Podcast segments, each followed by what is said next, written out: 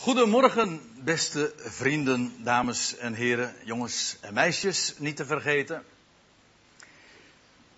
Ik wil vanmorgen inderdaad eens gaan nadenken met u over het onderwerp, de titel waar dat u hier ziet afgebeeld op het projectiescherm. Wat is het offer van Christus? En ik kan Sis wel geruststellen dat hij in het geheel geen gras voor mijn voeten heeft weggemaaid.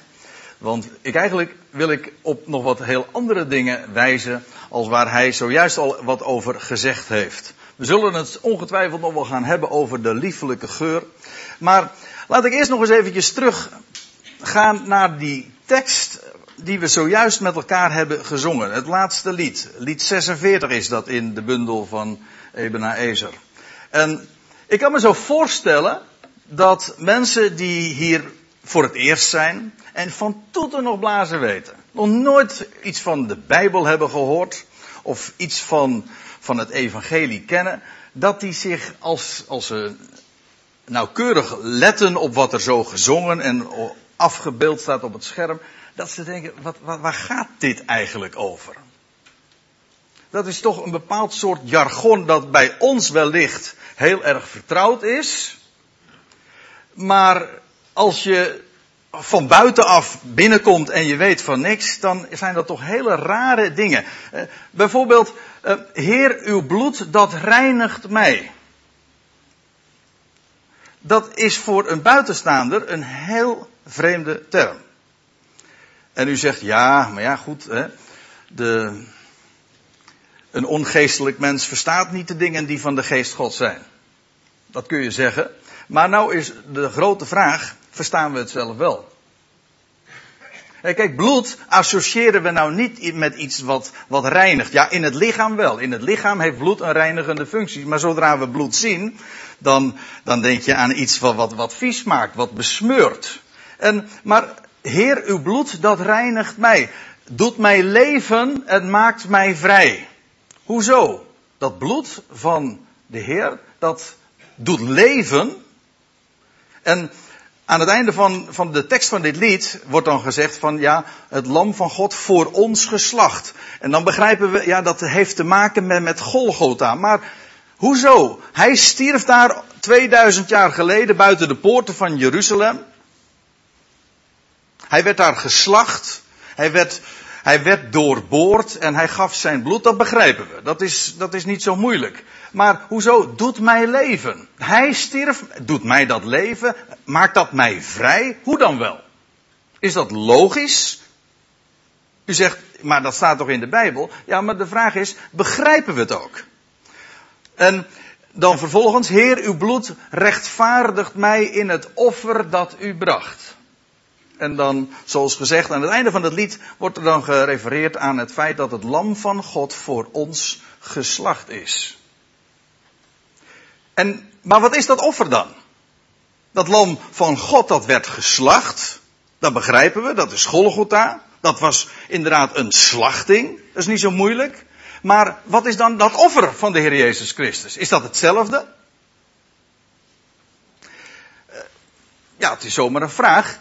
Maar het is eigenaardig, dat moet je maar eens een keertje de, de liederenbundel doorbladeren. Hoeveel liederen daarover gaan, over dat bloed en over, nou, lied 48, we gaan even verder. Heugelijke tijding. Bron van hartsverblijding. En dan ga ik, vallen we er helemaal niet over dat het misschien wat, wat oud, oudbollig Nederlands is, want het is nu eenmaal een wat oudere tekst inmiddels. Dat is geen punt. Maar dan, God schenkt ons het leven door des heilands bloed. Hoezo? Hij stierf en dat schenkt ons het leven. Maar wat is de logica daarvan? Begrijpen we dat? U zegt het staat in het woord. Ja, oké. Dan ga ik, dat zal ik u ook laten zien. Maar de vraag is, wat betekent het? Wat wil het zeggen dat dat bloed rein maakt en dat dat leven geeft? Vroeger kwam ik in samenkomsten, nou, zo af en toe nog wel eens een keer, in samenkomsten waar dan het lied gezongen werd. Eh, een aantal van u kennen dat ongetwijfeld. Dat een heerlijk lied om te zingen trouwens. Daar is kracht. Kracht. Je hebt haast de neiging, als ik het zo zeg, om het te gaan zingen, maar dat zal ik u niet aandoen. Daar is kracht, kracht, wonderbare kracht in het dierbaar bloed van het lam. Maar het is toch een eigenaardige manier van, van zeggen als je daarbij denkt aan het Golgotha. Hij die stierf in zwakheid, hij werd in, zo zegt de Bijbel ook, in zwakheid gekruisigd. Maar hoezo is daar dan kracht in dat bloed van het lam? Dat wil zeggen, in hem die daar stierf, machteloos, hulpeloos, aan een kruis tussen hemel en aarde hangend. Hoezo is er kracht in dat bloed? Nou, ik wil dat vanmorgen toch eens met u vanuit de Bijbel laten zien. En ik wil u ook laten zien dat er wel degelijk heel veel logica in zit. Ja, laten we eerst eens even naar die tekst gaan die we zojuist hebben gelezen. Hebreeën 10. Daar staat in het eerste vers.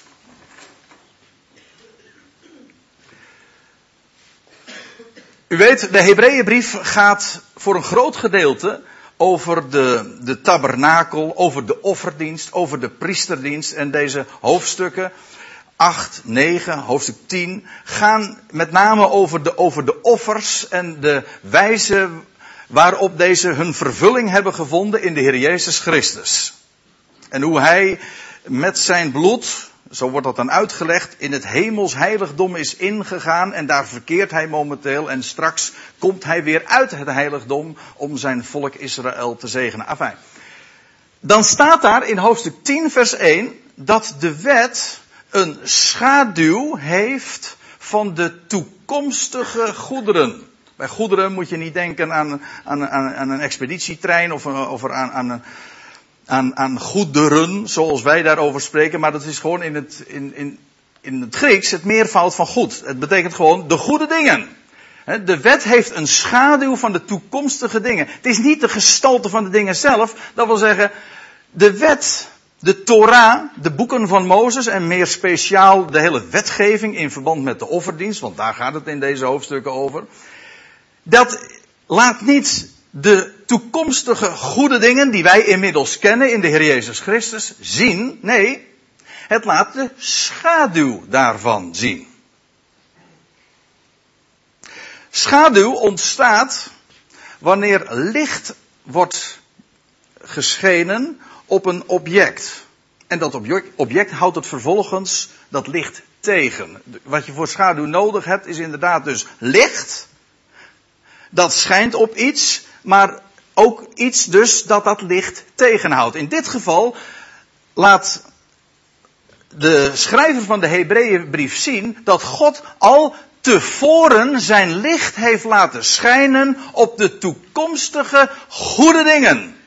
Die zouden komen in de Messias, Jezus Christus. Maar de wet is niet de gestalte van die, van die goede dingen zelf, nee, het is de schaduw daarvan. En schaduw, dat is eigenlijk gewoon duisternis. Bij schaduw is gewoon donker, is donker. Daar zie je niks. In de Bijbel is het trouwens opmerkelijk dat duisternis ook, of schaduw geassocieerd wordt met, met de dood. De, denk maar aan de uitdrukking de schaduwen des doods. Zelfs al ga ik door een dal van schaduwen des doods, uw stok en uw staf die vertroosten mij. Schaduw is duisternis en daarmee ook wordt geassocieerd met dood. En dat is niet zo moeilijk, ook in verband met die wetgeving, want de, als je dat leest in verband met de offerdienst, als je dat leest in, in Leviticus, hele hoofdstukken achter elkaar, en ik kan me zo voorstellen dat als je dat aan tafel leest, dat dat buitengewoon saai is. Tenminste, zo, zo vergaat het mij. Al die speciale bepalingen, maar weet u, eh, zulke passages in het bijzonder lenen zich ook niet zozeer om voorgelezen te worden, maar ze moeten worden onderzocht. Ik lees nergens in de Bijbel dat, de Bijbel dat ze gelezen wil worden, maar ze onderzoekt de schriften. Dat wil zeggen, zoek onder de oppervlakte. Dat is wat onderzoek eigenlijk ook betekent. Onder de oppervlakte zoeken, want daar liggen de rijkdommen. Die liggen niet zomaar voor het oprapen. In elk geval, die, die bepalingen over de offerdienst, het is niet alleen maar heel erg, vaak ook eentonig en, moeilijk uh, te volgen. En bovendien, het brengt ons terug naar een, een grijs verleden. Maar bovendien, het is ook heel erg bloederig. Er vindt slachting plaats en vervolgens, want daar gaat het dan om, na die slachting komt wordt dat bloed dan opgevangen en dat dode dier, dat gaat dan op het altaar en dat stijgt erop. Allemaal heel doods. Dus als de schrijver van de Hebreeënbrief zegt van dat die wet een schaduw heeft, dat, dat wil zeggen, het is gewoon duister, het is donker. Je, je, je brengt dat in je gedachten meteen in verband met dood. Ja, dat is waar. Maar als je naar de contouren kijkt, dan zie je het licht. De grens van zo'n duistere afbeelding van een schaduw is licht. En dat is wat de wet, de Torah, of meer speciaal de wetgeving aangaande de offerdienst ook laat zien. En wat ik u vanmorgen wil laten zien, ik zal nou meteen maar mijn punt maken. dat, uh, ik, ik, denk bij mezelf, stel je voor dat u straks de draad kwijtraakt of u, uh, of u valt in slaap, kan natuurlijk ook nog. Dan, heb u in ieder geval, dan weet u in ieder geval wat ik vanmorgen heb gezegd. Hè, wat de clue is, wat ik u vanmorgen wil duidelijk maken. Nou, wat ik u wil duidelijk maken, is dat het offer van de Heer Jezus Christus niet de slachting is op het kruis van Golgotha, maar dat wat erop volgde. Namelijk toen hij verrees uit het graf. Kijk, hoe ging dat bij een offer? Je had eerst een dier, dat was vaak een eenjarig lam of, of een ander dier. Een dier dat in de kracht van zijn leven was. Het moest ook een gaaf dier zijn. God beliefde geen, geen kreupele dieren of zieke dieren. Nee, het moest een gaaf, gezond dier zijn. En dat verwijst, ook dat lezen we in de Bijbel. Dat gave dier, dat verwijst naar hem die hier op aarde gewandeld heeft. Als het, inderdaad, als het lam gods volmaakt. Hij die geen zonde gekend heeft. En dan vervolgens, wat gebeurde er? In de kracht van zijn leven, in de midden zijner jaren, zoals de Bijbel dat zo plechtig zegt, werd hij geslacht. Door de priesters van het volk, ja, letterlijk zelfs. Werd hij, door de priesters van het volk werd hij overgeleverd om gekruisigd te worden. En daar stierf het lam van God. En een heleboel mensen ik ben ervan overtuigd, in dit gezelschap net zo goed. Een heleboel gelovigen blijven daarbij stilstaan. Die denken dan, de slachting van dat lam, dat is het offer. Maar dat is niet zo. Dan begint het pas.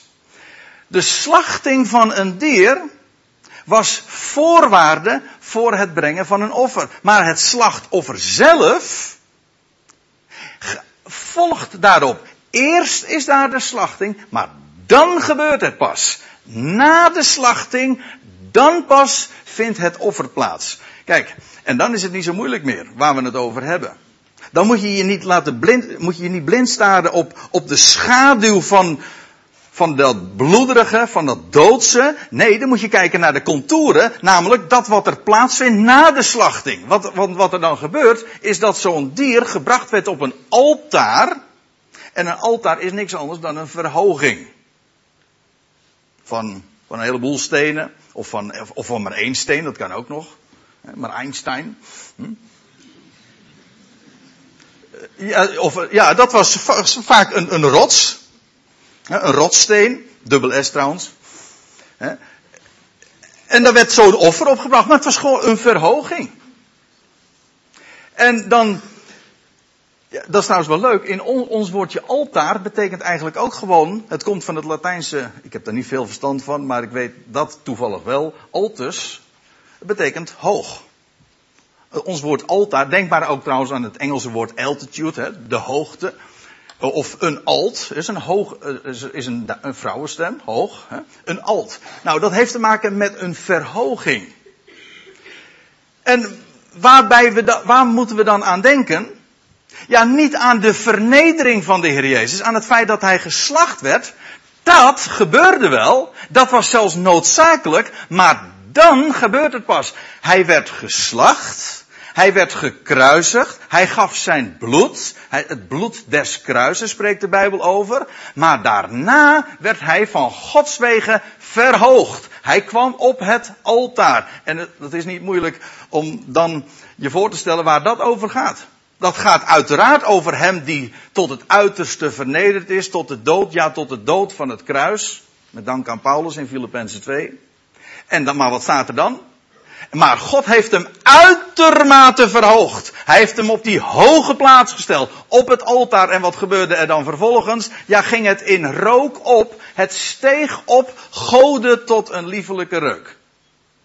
Dat was de liefelijke reuk. De liefelijke reuk was niet de slachting. Dat was niet goed. Dat was in tegendeel zelfs. Toen hij daar aan het hout hing, was hij een vloek. Buiten de, buiten de legerplaats. Het werd niet voor niks ook duister. Maar een heleboel mensen denken bij het offer van de Heer Jezus Christus. Nog steeds, feitelijk staan ze nog steeds in de schaduw. Ze denken alleen maar aan de dood. Terwijl het juist daarbij niet om de dood gaat, maar over de overwinning op de dood. En over zijn verhoging. Hoe hij daar op het altaar kwam inderdaad en opging in rook. Hij steeg op. Hij verrees uit het graf en bovendien hij verrees of ja, hij steeg op ten hemel en ontrok zich daarmee aan het oog. Maar dat is precies ook wat met een offer gebeurde, want het ging op in rook. Het verdween feitelijk uit het zicht. En zo heb je een, een compleet plaatje, feitelijk, van de geschiedenis van de Heer Jezus Christus, die als een lam hier op aarde geleefd heeft. Gaaf, volmaakt, vervolgens geslacht werd en daarna verhoogd werd, opstond uit de doden, verrees en opsteeg tot God tot een liefelijke reuk. Nou, daarmee heb ik eigenlijk de kloe verteld van wat ik vanmorgen heb willen zeggen. Maar ik wil het graag ook nog wat ondersteunen vanuit een ander Bijbelboek.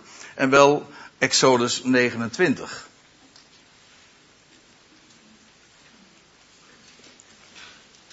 Ja, ik zou heel veel plaatsen uit de schrift natuurlijk kunnen aanhalen, want het gaat nog wel eens een keer over offers. Of over dieren die geslacht worden. Maar let maar op, als er een dier geslacht wordt, het gaat nooit over de slachting op zich. Het gaat altijd om wat er daarna mee gebeurt. Een, een lam werd bijvoorbeeld geslacht, het bloed werd daar vervolgens opgevangen en dan werd het bloed, de geschiedenis van Exodus 12, de, het Pascha, het bloed werd gesmeerd aan de bovendorpel en de deurposten. Ja, waarom? Opdat de doodsengel voorbij zou gaan. Pascha, voorbij zou gaan. Opdat de dood zou passeren. Passeren. Pasen. Ja. Voorbij gaan. De dood zou aan hen voorbij gaan. Daar gaat het om. Of wat dacht u van de grote verzondag? Ja, ik, ik doe zomaar even een beroep op uw Bijbelkennis. Hm? De grote verzondag, wat gebeurde er? Dan werd er een, een bok geslacht. Was dat het? Nee, nee, dan begon het pas. Dat, zo'n bok werd dan geslacht, ja, er gebeurde nog veel meer. En dan het bloed van die bok, van, ja, van, van dat bokje, werd dan vervolgens door de priester ingebracht in het heiligdom. In het heilige der heiligen en het werd besprenkeld. Waarna vervolgens de hoge priester inderdaad weer naar buiten kwam. Maar daar had ik het al even over. Het wordt allemaal uitgelegd in de Hebreeënbrief. Maar we zouden niet blijven stilstaan bij het kruis, bij Golgotha. Dat zie je in de christenheid in het algemeen. Hè? Men is altijd maar blijven stilstaan feitelijk bij de schaduw, bij de duisternis. En daarmee ken je feitelijk het licht nog niet. De schaduw des doods, daar gaat het niet om. Het gaat om het licht des levens, ook een Bijbelse uitdrukking. Licht, zoals duisternis alles te maken heeft met dood, zo heeft licht alles te maken met leven. Waarom stierf de Heer Jezus? Daar kun je hele dikke boeken over schrijven. Daar kun je hele theologie op baseren. Dan zegt men van ja, de Heer Jezus moest sterven, anders kon God niet vergeven. God moest eerst, moest eerst bloed zien. Dat soort macabere, lugubere ideeën. Dat is echt waar. Zo, zo wordt het officieel geleerd. Maar zo is het niet. Waarom moest hij sterven? Om op te kunnen staan uit de dood. Zo eenvoudig kunnen dingen zijn. Waarom moest hij sterven? Om de dood te overwinnen. En dat is het evangelie. Want als hij nog, zoals Paulus dat zegt in 1 Korinthe 15, als hij nog gestorven zou, als hij gestorven zou zijn en niet opgewekt, hebben we niet eens een evangelie. Het evangelie is dat Christus is opgewekt uit de doden. Afijn. Ik laat u Exodus 29, daar, vinden we de wetgeving over het, uh, op het dagelijks brandoffer. Elke dag moest daar een, een brandoffer, eigenlijk twee offers gebracht worden in de ochtend en in de avond. En dan lees je, dit is wat gij op het altaar bereiden zult. In, het, in de tabernakel stond in het midden van de voorhof een, een, een, een houten kist eigenlijk. Een open houten kist met daarin allemaal stenen. Of, of zand eventueel. Weet, dat is trouwens heel eigenaardig hè. Even tussendoor. Maar je vindt, uh, ergens ook in de wetgeving, Exodus 20, dat, dat God zegt dat als, als men een altaar zou maken van stenen, dat dat niet mocht van eigen steen, dat wil zeggen van menselijke stenen, van bakstenen. Dat moesten stenen zijn die God zelf aan de mens had gegeven, natuursteen. Dat staat erbij hoor. Mochten geen gehouwen stenen zijn en het, mocht ook geen, uh, het mochten ook geen bakstenen zijn menselijke maaksels, menselijke, menselijke baksels, zeg maar gewoon misbaksels, want dat is het altijd. Dat is wat de mens produceert. Dat mocht niet bij het altaar een rol spelen. Mocht trouwens ook geen trap gemaakt worden. De mens mocht zich niet zelf opwerken naar dat altaar. Dat, daar gaat uiteraard de sprake van uit. God doet het werk. En ik geef het je allemaal. Maar goed, uh, dit is wat gij op het altaar zult bereiden. Twee eenjarige lammeren. We hadden het er al even over. Dat moesten gave lammeren zijn.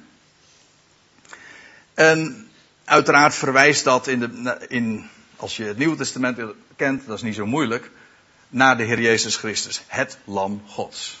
Ja. En dan staat erbij in vers 39, het ene lam zult gij in de morgen bereiden en het andere lam zult gij in de avondschemering bereiden. Waarbij ik moet zeggen dat eh, de morgen en de avond te maken heeft ook weer met de opstanding en met zijn slachting en begrafenis. Hij stond op in de morgen. Hij die werd begraven in de avondschemering. Daar zit. Ja, het spreekt eigenlijk van het lam. In, in openbaring 5 vind je dat.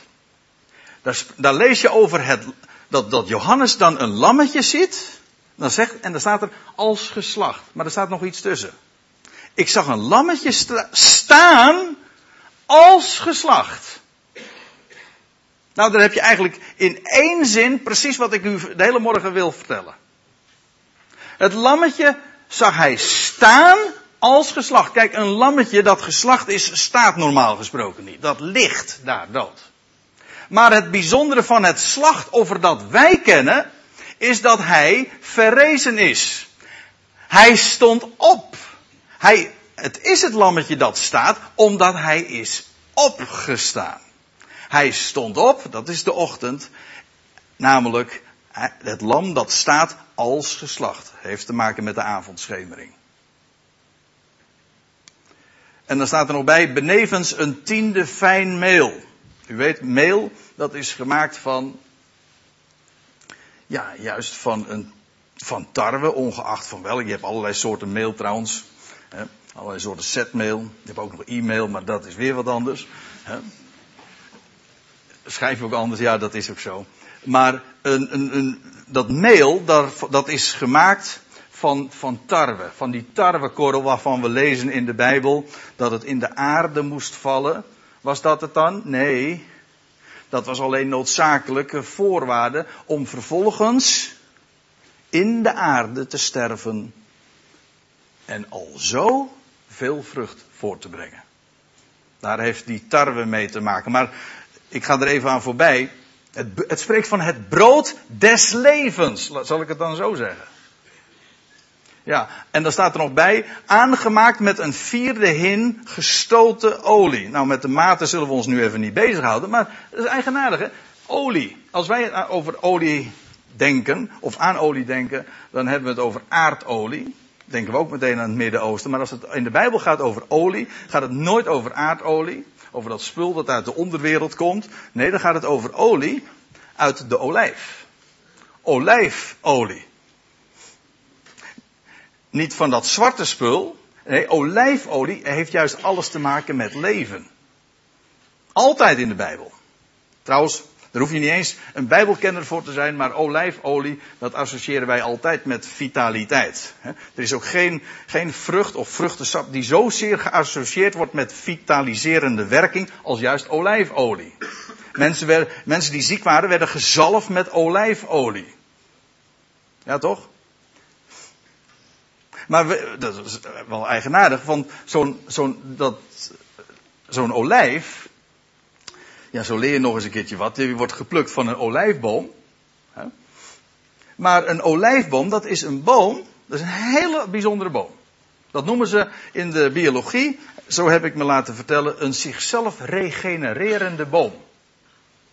Regeneratie betekent gewoon wedergeboorte. Letterlijk.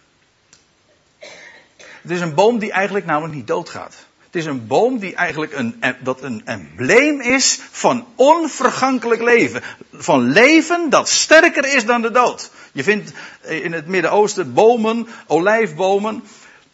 Zo eentje die hier ook op de, op de foto afgebeeld staat.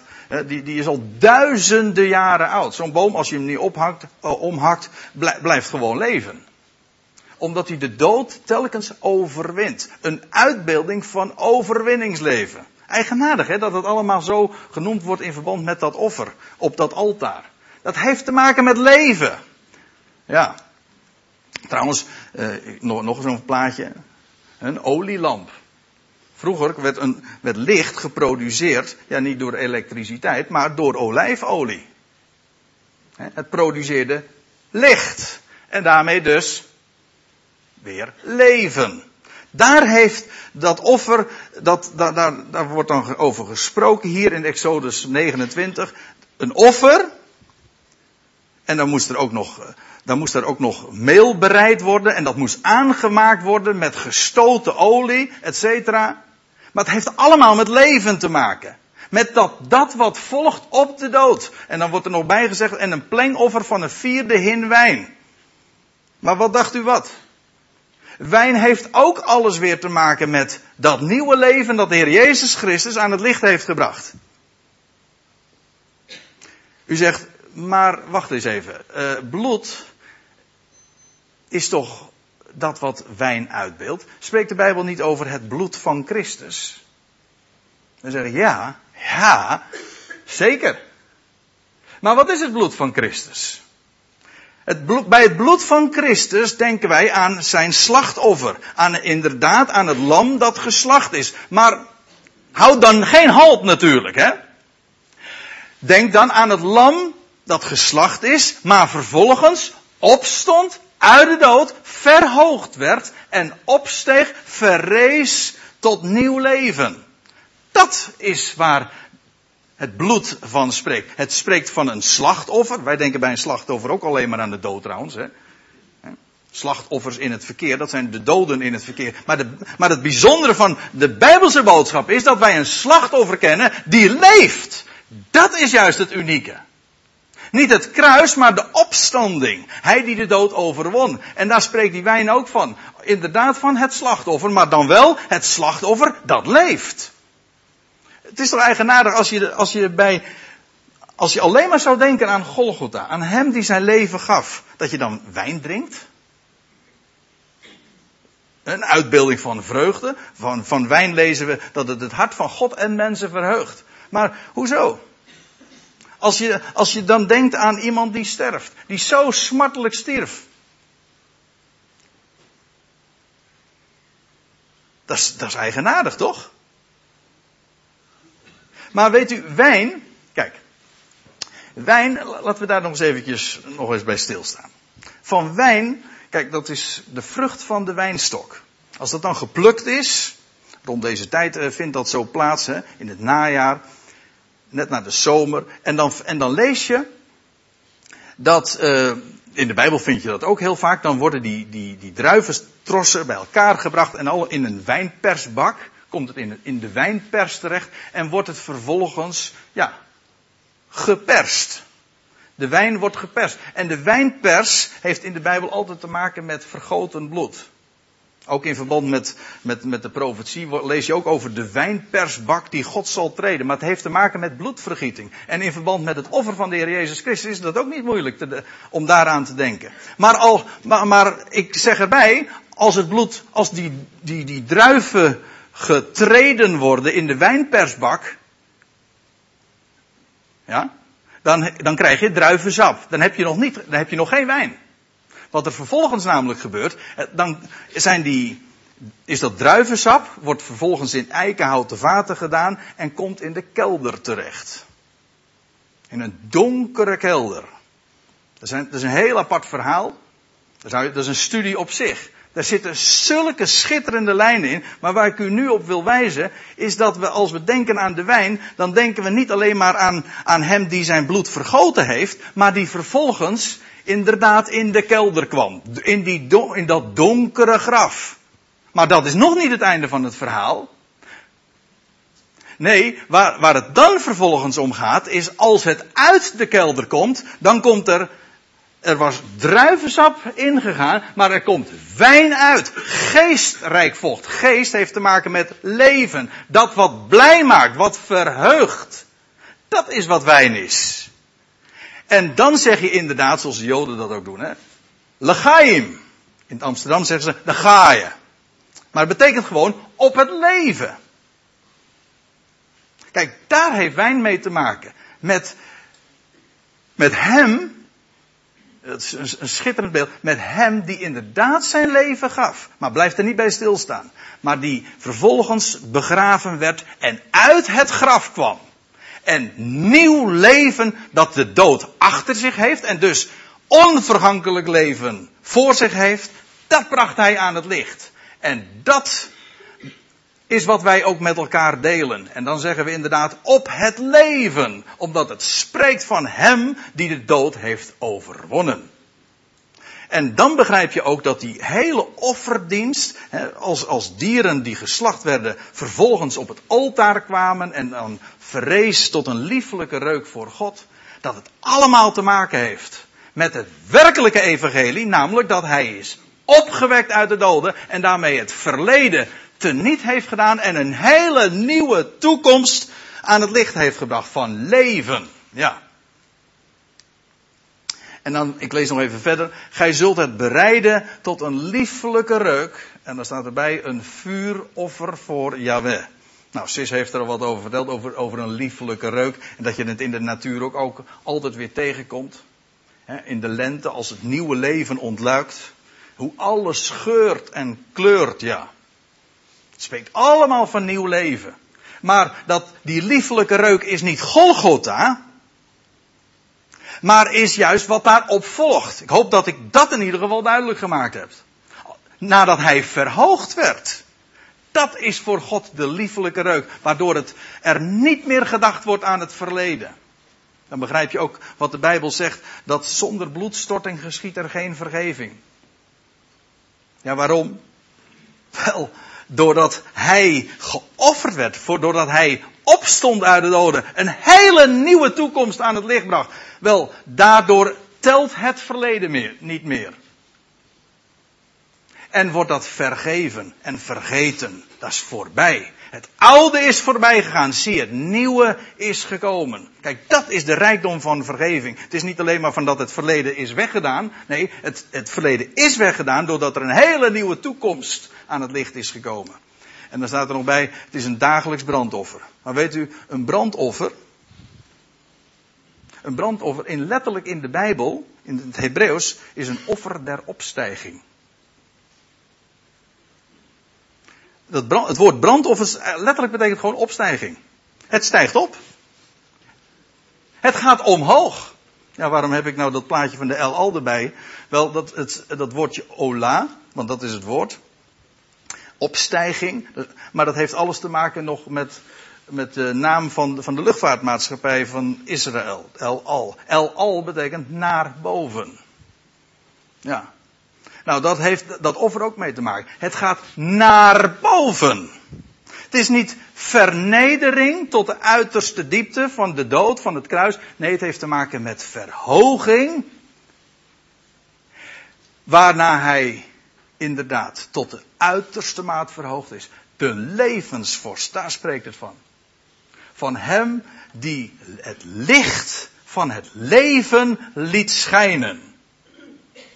En wat ik zo van harte hoop, met datgene wat ik zo vanmorgen hier in een paar minuten zo heb neergelegd, is dat u voortaan, als u denkt aan het offer van de Heer Jezus Christus, niet blijft staan in de schaduw, dat je ook niet in het algemeen in het leven blijft staan bij de dood, en bij deze sterfelijke wereld, want daar gaat het niet om. In de blijde boodschap, in het evangelie, het goede bericht, daar gaat het over Hem die de dood heeft overwonnen en die de levensvorst is, die verhoogd is en, zoals we dat straks ook gaan zingen, van dat, van dat nieuwe leven van de Heer die leeft, ja. Oh,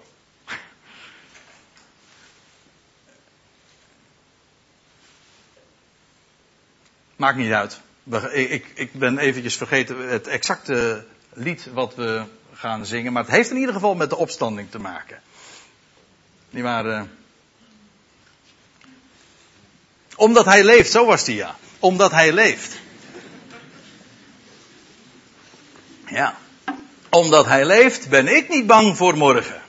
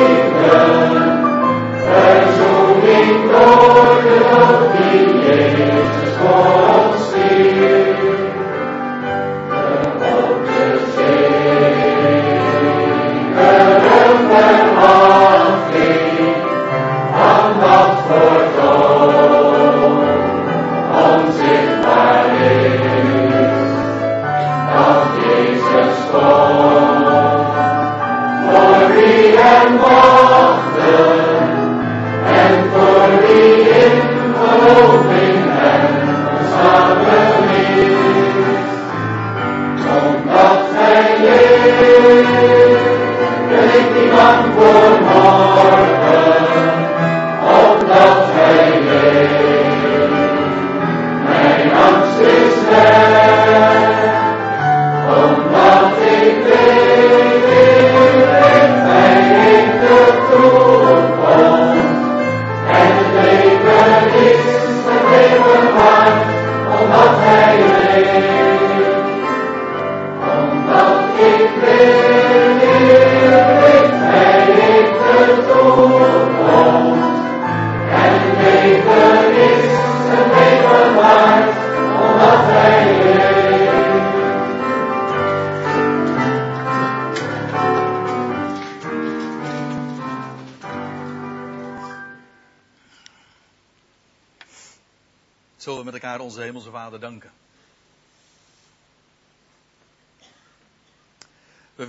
Hartelijk dank zeggen, Hemelse Vader, dat we zo'n blijde boodschap mogen kennen.